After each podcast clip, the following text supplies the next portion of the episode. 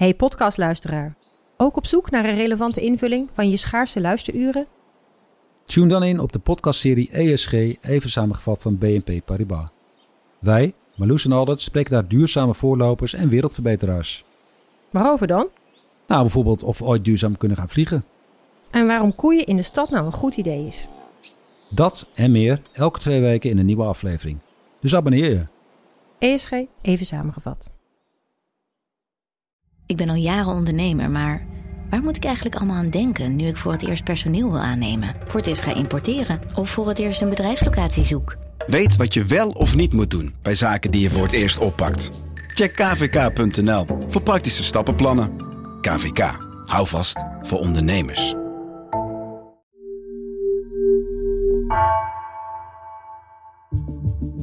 Vanaf de redactie van NRC het verhaal van vandaag. Mijn naam is Geertje Tunter.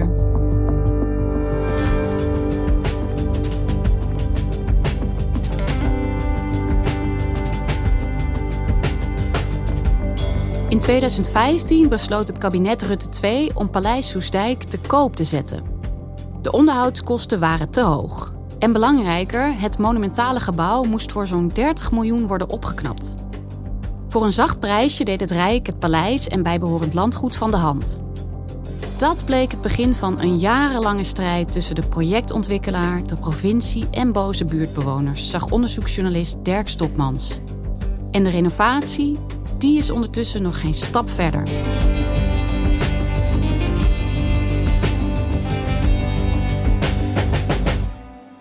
In een uitgestrekt bosgebied uh, tussen Baarn en Soest staat Paleis Soestdijk. Veel mensen kennen het van die lange witte façade die licht kromgebogen naar de weg toe staat. En het Corps de Logis noemen ze dat in het midden daarvan. Dat hele gebied is uh, een rijksmonument. En op dat landgoed staan ook tientallen rijksmonumenten. Je hebt de oude watertoren, je hebt een orangerie. Je hebt een gietijzeren brug in de parkvijver. Je hebt de koninklijke stallen, de intendantswoning, het herenhuis. Het zit vol met rijksmonumenten. Uh, wat het tot een prachtig uh, en waardevol gebied maakt. Het is natuurlijk ook bekend, zeker bij, denk ik, wat oudere Nederlanders van het défilé. Waarvoor de jarige vorstin met prins Bernhard en met alle kinderen en kleinkinderen weer bijna twee uur lang op het bordes vertoefde. Trokken Nederlanders langs en gaven haar cadeautjes, bloemen of uh, lokale specialiteiten. Dus iedereen die haar een verjaardagsgoed wilde geven, was daartoe uh, welkom. Drumbands, fanfarekorpsen en de drie plaatselijke gilden waren met hun vaandels naar Soestdijk gekomen om hulde te betuigen aan de jarige koningin die onder andere een tuinklok kreeg aangeboden... met daarop de roepnamen van al haar twaalf kleinkinderen. Ben jij er wel eens geweest eigenlijk? Ja, zeker. Ja, het is een heel bijzonder gebied. Uh, zeker in het late voorjaar en de vroege zomer. Uh, alles is groen. Wat kan bloeien, bloeit. Het is zeker op de afstand waarvan ik het bekeek. Het paleis ziet er prachtig uit. Hagelwit. Het gazon is gemaaid. Alles ligt er netjes bij.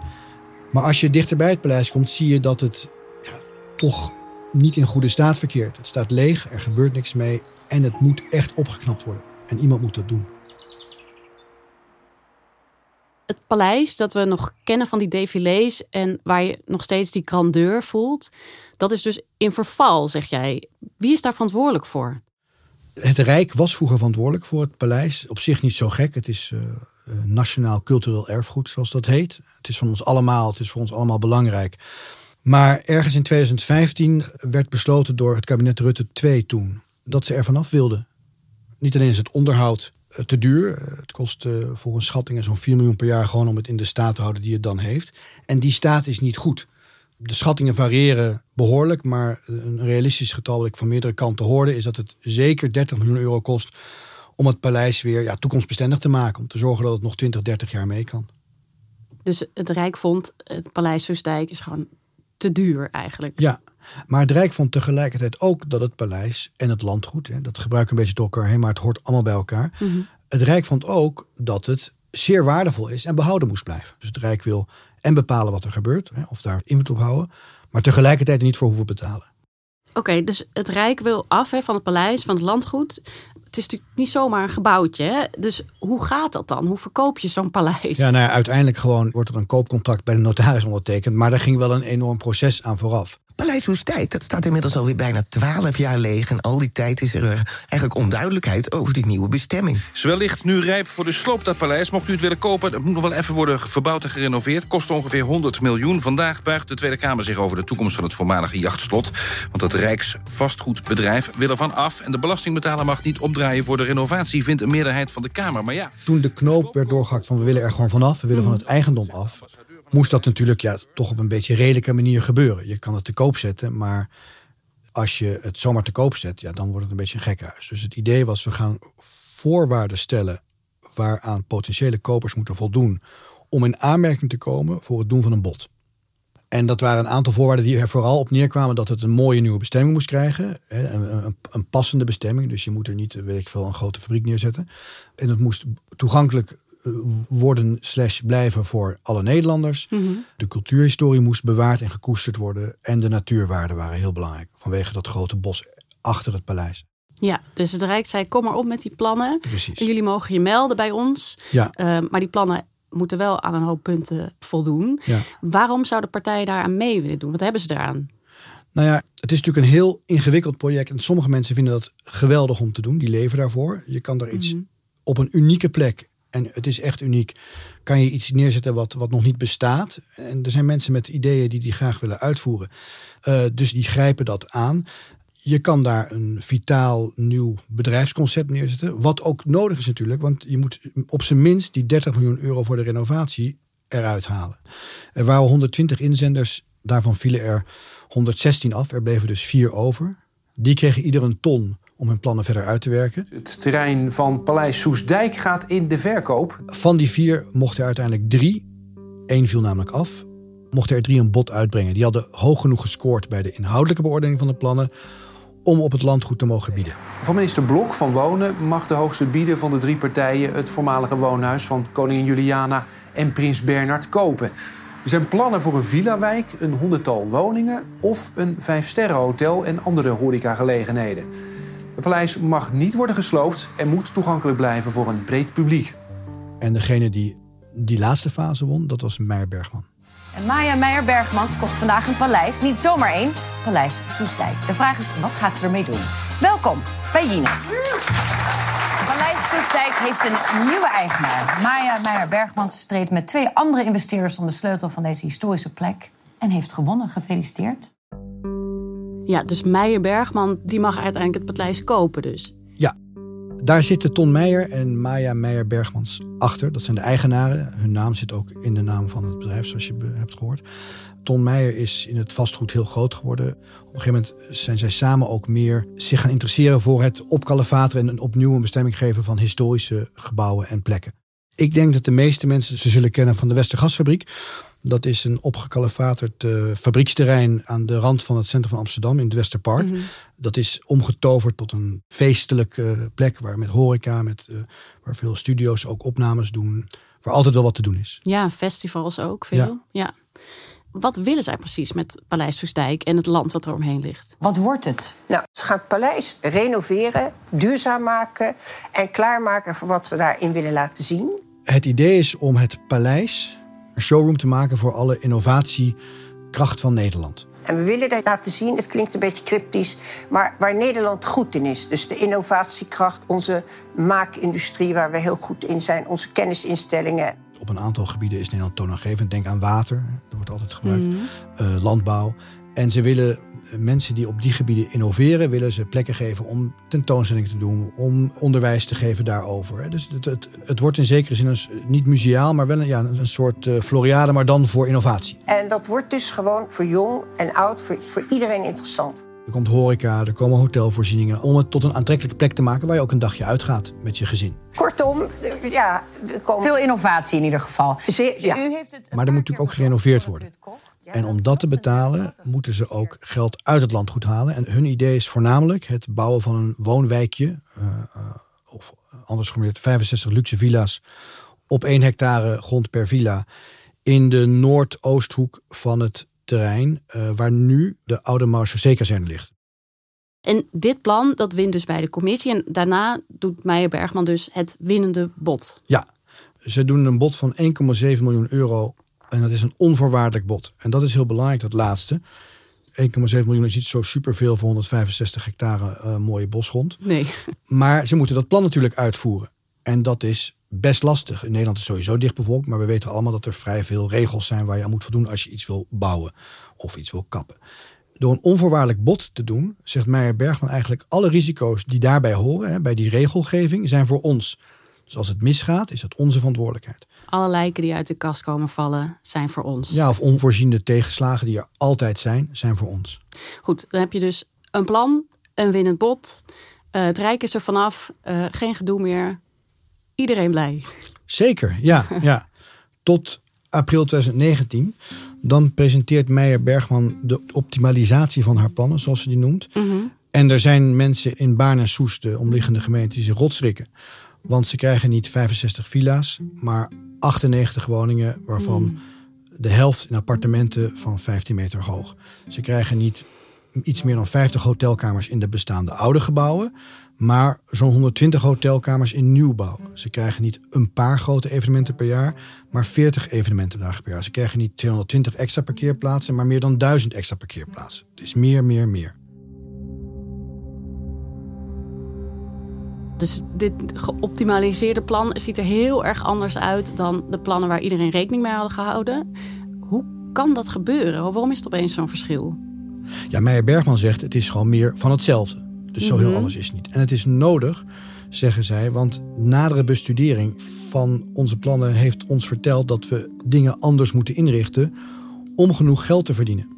Dus er zit voor hun een logica in van ja, het is nodig om te doen wat we wilden doen. En anderen denken van ja, maar dit is niet waarmee je hebt gewonnen. Ja. Hoe kan dat nou zomaar? Ja, dus Meijer Bergman zegt nou het is een soort voortborduren op wat we al gepresenteerd hadden. En er moet natuurlijk ook gewoon geld verdiend worden hier. Maar ik kan me voorstellen dat de bewoners zich echt een hoedje schokken. Ja, eh, de gemeenteraad van Baarn gaat erover. Als je door een deel van Baarn rijdt tot, wat laten we zeggen, dicht tegen het landgoed aanligt, aan de overkant van de provinciale weg, dat zijn niet de kleinste huizen. Dat zijn mooie villa's, Aha. heel groen. Maar het zijn ook mensen die daar niet zijn gaan wonen vanwege eh, de behoefte aan een, wat zij denken, een Westergasfabriek in hun achtertuin. Ze Ja. hebben daar een prachtig landgoed. Ze zijn bang voor geluidsoverlast van die evenementen. Ze zijn bang voor enorme verkeersdrukte. De schatting van Meijer Bergman, en dat is nog zonder de evenementen, is dat er 400.000 mensen per jaar op afkomen. Zo. Dus daar, eh, dat, ja, dat, is, dat is leuk voor mensen die er naartoe gaan. Maar als je daar forens bent, dan ben je waarschijnlijk wat minder blij. En eh, zoals dat eh, hoort, zou je kunnen zeggen, eh, dringt dat verzet natuurlijk ook door bij sommige gemeenteraadsleden. De meest geharnaste tegenstander, die inmiddels bijna in zijn eentje overblijft, is Kees Koudstaal van de Baarnse Onafhankelijke Partij. Er was in het oorspronkelijke plan geen sprake van eh, een auditorium in de paleistuin. Ook grote evenementen zoals popconcerten stonden niet eh, in de opgave van wat er zou eh, gebeuren. Ja, er zou misschien eens een opera worden uitgevoerd in de paleistuin, maar daar bleef het bij. Als je het oorspronkelijke plan één op één naast het, ik noem het toch maar, het nieuwe plan legt, ja, dan verhoudt zich dat op geen enkele manier tot, tot elkaar. Er zijn ook problemen bij de provincie eh, Utrecht. In de aanloop zijn provinciale ambtenaren en politici hebben contacten gehad met Meijer Bergman. Dus toen dus ze hun plan aan het maken waren in 2016. Waarin ze kijken van nou, kan het wel? Zijn er problemen? En de provincie heeft altijd gezegd, nou, het ziet er mooi uit. We Mhm. weten het pas echt als de uitgewerkte plannen worden getoetst. Maar we zien geen onoverkomelijke belemmeringen in ons eigen beleid en regelgeving. Die ruimte vinden we wel. Maar wat blijkt eh, in de loop van 2019, de provincie heeft eind 2018, nadat Meijer Bergman het landgoed al had gekocht, haar eigen regels voor het kappen van bomen op oude bosgroeiplaatsen aangescherpt. Oude bosgroeiplaatsen zijn plekken waar al zo lang bos staat dat die bosgrond heel waardevol is geworden. Mhm. En je mag daar alleen maar een boom kappen als je op dezelfde plek een nieuwe boom terugzet. Dat is natuurlijk een probleem, want als je kapt om een woning neer te zetten, wil je niet daar direct weer een boom neerzetten.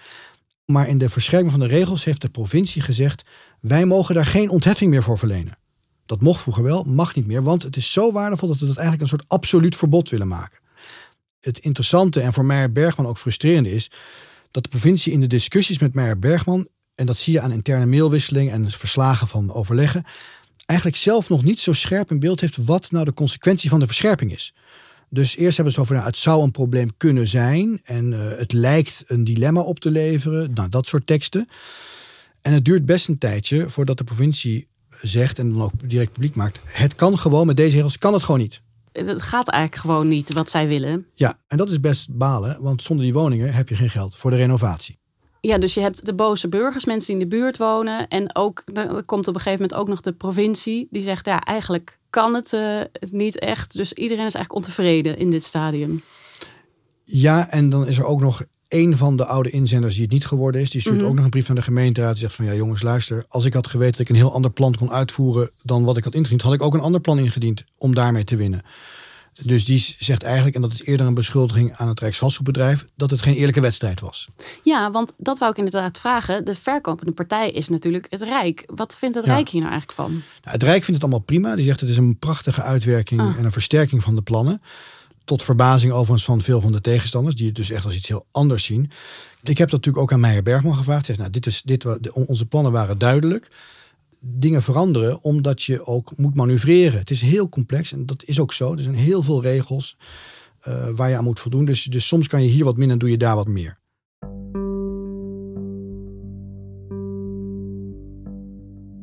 Een heleboel gedoe, dat is wel duidelijk. Maar goed, het is inmiddels zes jaar geleden dat het kabinet besloot om Paleis Soesdijk af te stoten.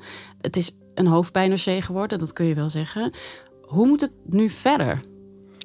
De provinciale blokkade is opgeheven. Er is een compromis gevonden omdat zowel provincie als gemeente als Rijk denken... ja, maar dat, dat paleis ja, dat mag niet vervallen. Dit plan moet wel goed komen. Eh, de gemeenteraad is intussen ook om, behalve eh, meneer Koustal, die we eerder al noemden. Hij is nu nog een roepen in de woestijn. Maar je merkt wel dat de lokale weerstand groot genoeg is voor Meijer Bergman... om toch nog dat uitgebreide plan weer iets af te schalen. Dus het hotel blijft, maar die woningen zijn dus op een veel kleiner gebied... waarmee ze hopen de kritiek over de natuuraantasting te voorkomen. Het aantal parkeerplaatsen is weer eh, een stuk teruggebracht. En ze zeggen van de 40 dagen met grote evenementen per jaar... zullen wij er maximaal 12 geluidsdragend eh, doen. De gemeenteraad krijgt over drie weken dat aangepaste plan. Dat plan waarvan Meijer Bergman zegt... kijk, we houden meer rekening met de zorg. Daar mag iedereen eh, zijn mening over geven. De gemeenteraad gaat in september in zes vergaderingen dat allemaal bij elkaar vegen over voor de, ook eventuele klachten daarover behandelen. En zal dan vermoedelijk, wel of niet, het is altijd gissen, instemmen met wat het ontwerpbestemmingsplan dan is. Eh, van de gemeente Baarn heb, ik- heb ik begrepen dat ze op zijn vroegst in april 2023 verwacht dat die woningen, dat met de bouw daarvan begonnen kan worden. Ja, dus als die toestemming er komt, hè, dan gaat het nog jaren duren voordat het project afgerond is. He- heeft het echtpaar eh, Meijer Bergmans eigenlijk nog wel een beetje zin in? Vroeg me af. Nou, ik heb ze zelf niet gesproken. Wel met de directeur van de Meijer Bergman Erfgoedgroep. Ehm ze hebben altijd gezegd, wij zitten er niet in voor de korte termijn. Nou, dat gelukkig zou je kunnen zeggen, Ja. wat dat betreft.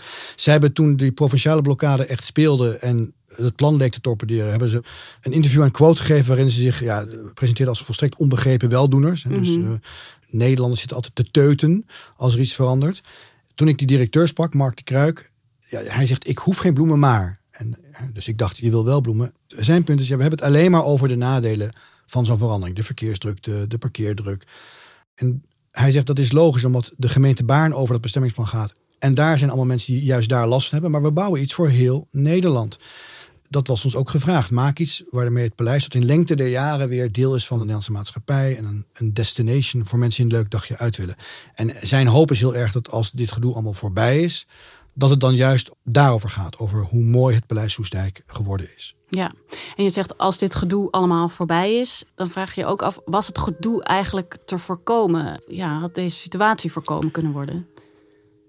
Je zou kunnen zeggen, nee, eh, ik denk zelf, en dat zeggen ook heel veel mensen die ik sprak, op het moment dat het Rijk de keus maakt om het aan een private partij te verkopen, dan is een onlosmakelijk gevolg dat er daar geld verdiend moet worden.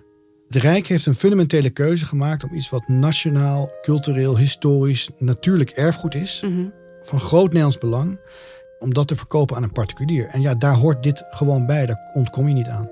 Dus eigenlijk ook dat er gedonder van zou komen, was misschien ook bijna onvermijdelijk.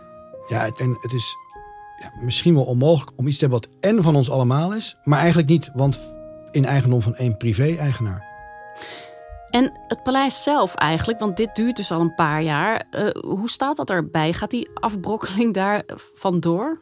Voor zover ik het begrijp, wordt het in een soort status quo gehouden. Dus het wordt voorkomen achteruitgang tegen te houden. Maar dat is natuurlijk van binnen verouderd. En van buiten moet je niet alleen maar verven, maar soms ook echt structureel dingen verbeteren. En al die dingen die wachten op, uh, op een goede uitkomst van het bestemmingsplan. Dankjewel, Dirk. Graag gedaan.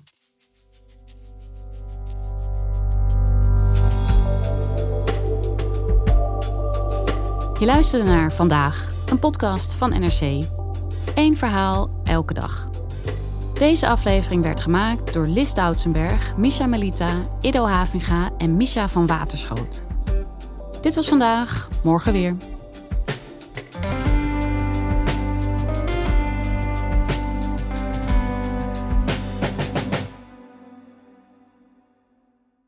Technologie lijkt tegenwoordig het antwoord op iedere uitdaging. Bij PwC zien we dit anders. Als we de potentie van technologie willen benutten, kunnen we niet zonder een menselijk perspectief. Human-led, tech-powered noemen we dat. Ga naar pwc.nl.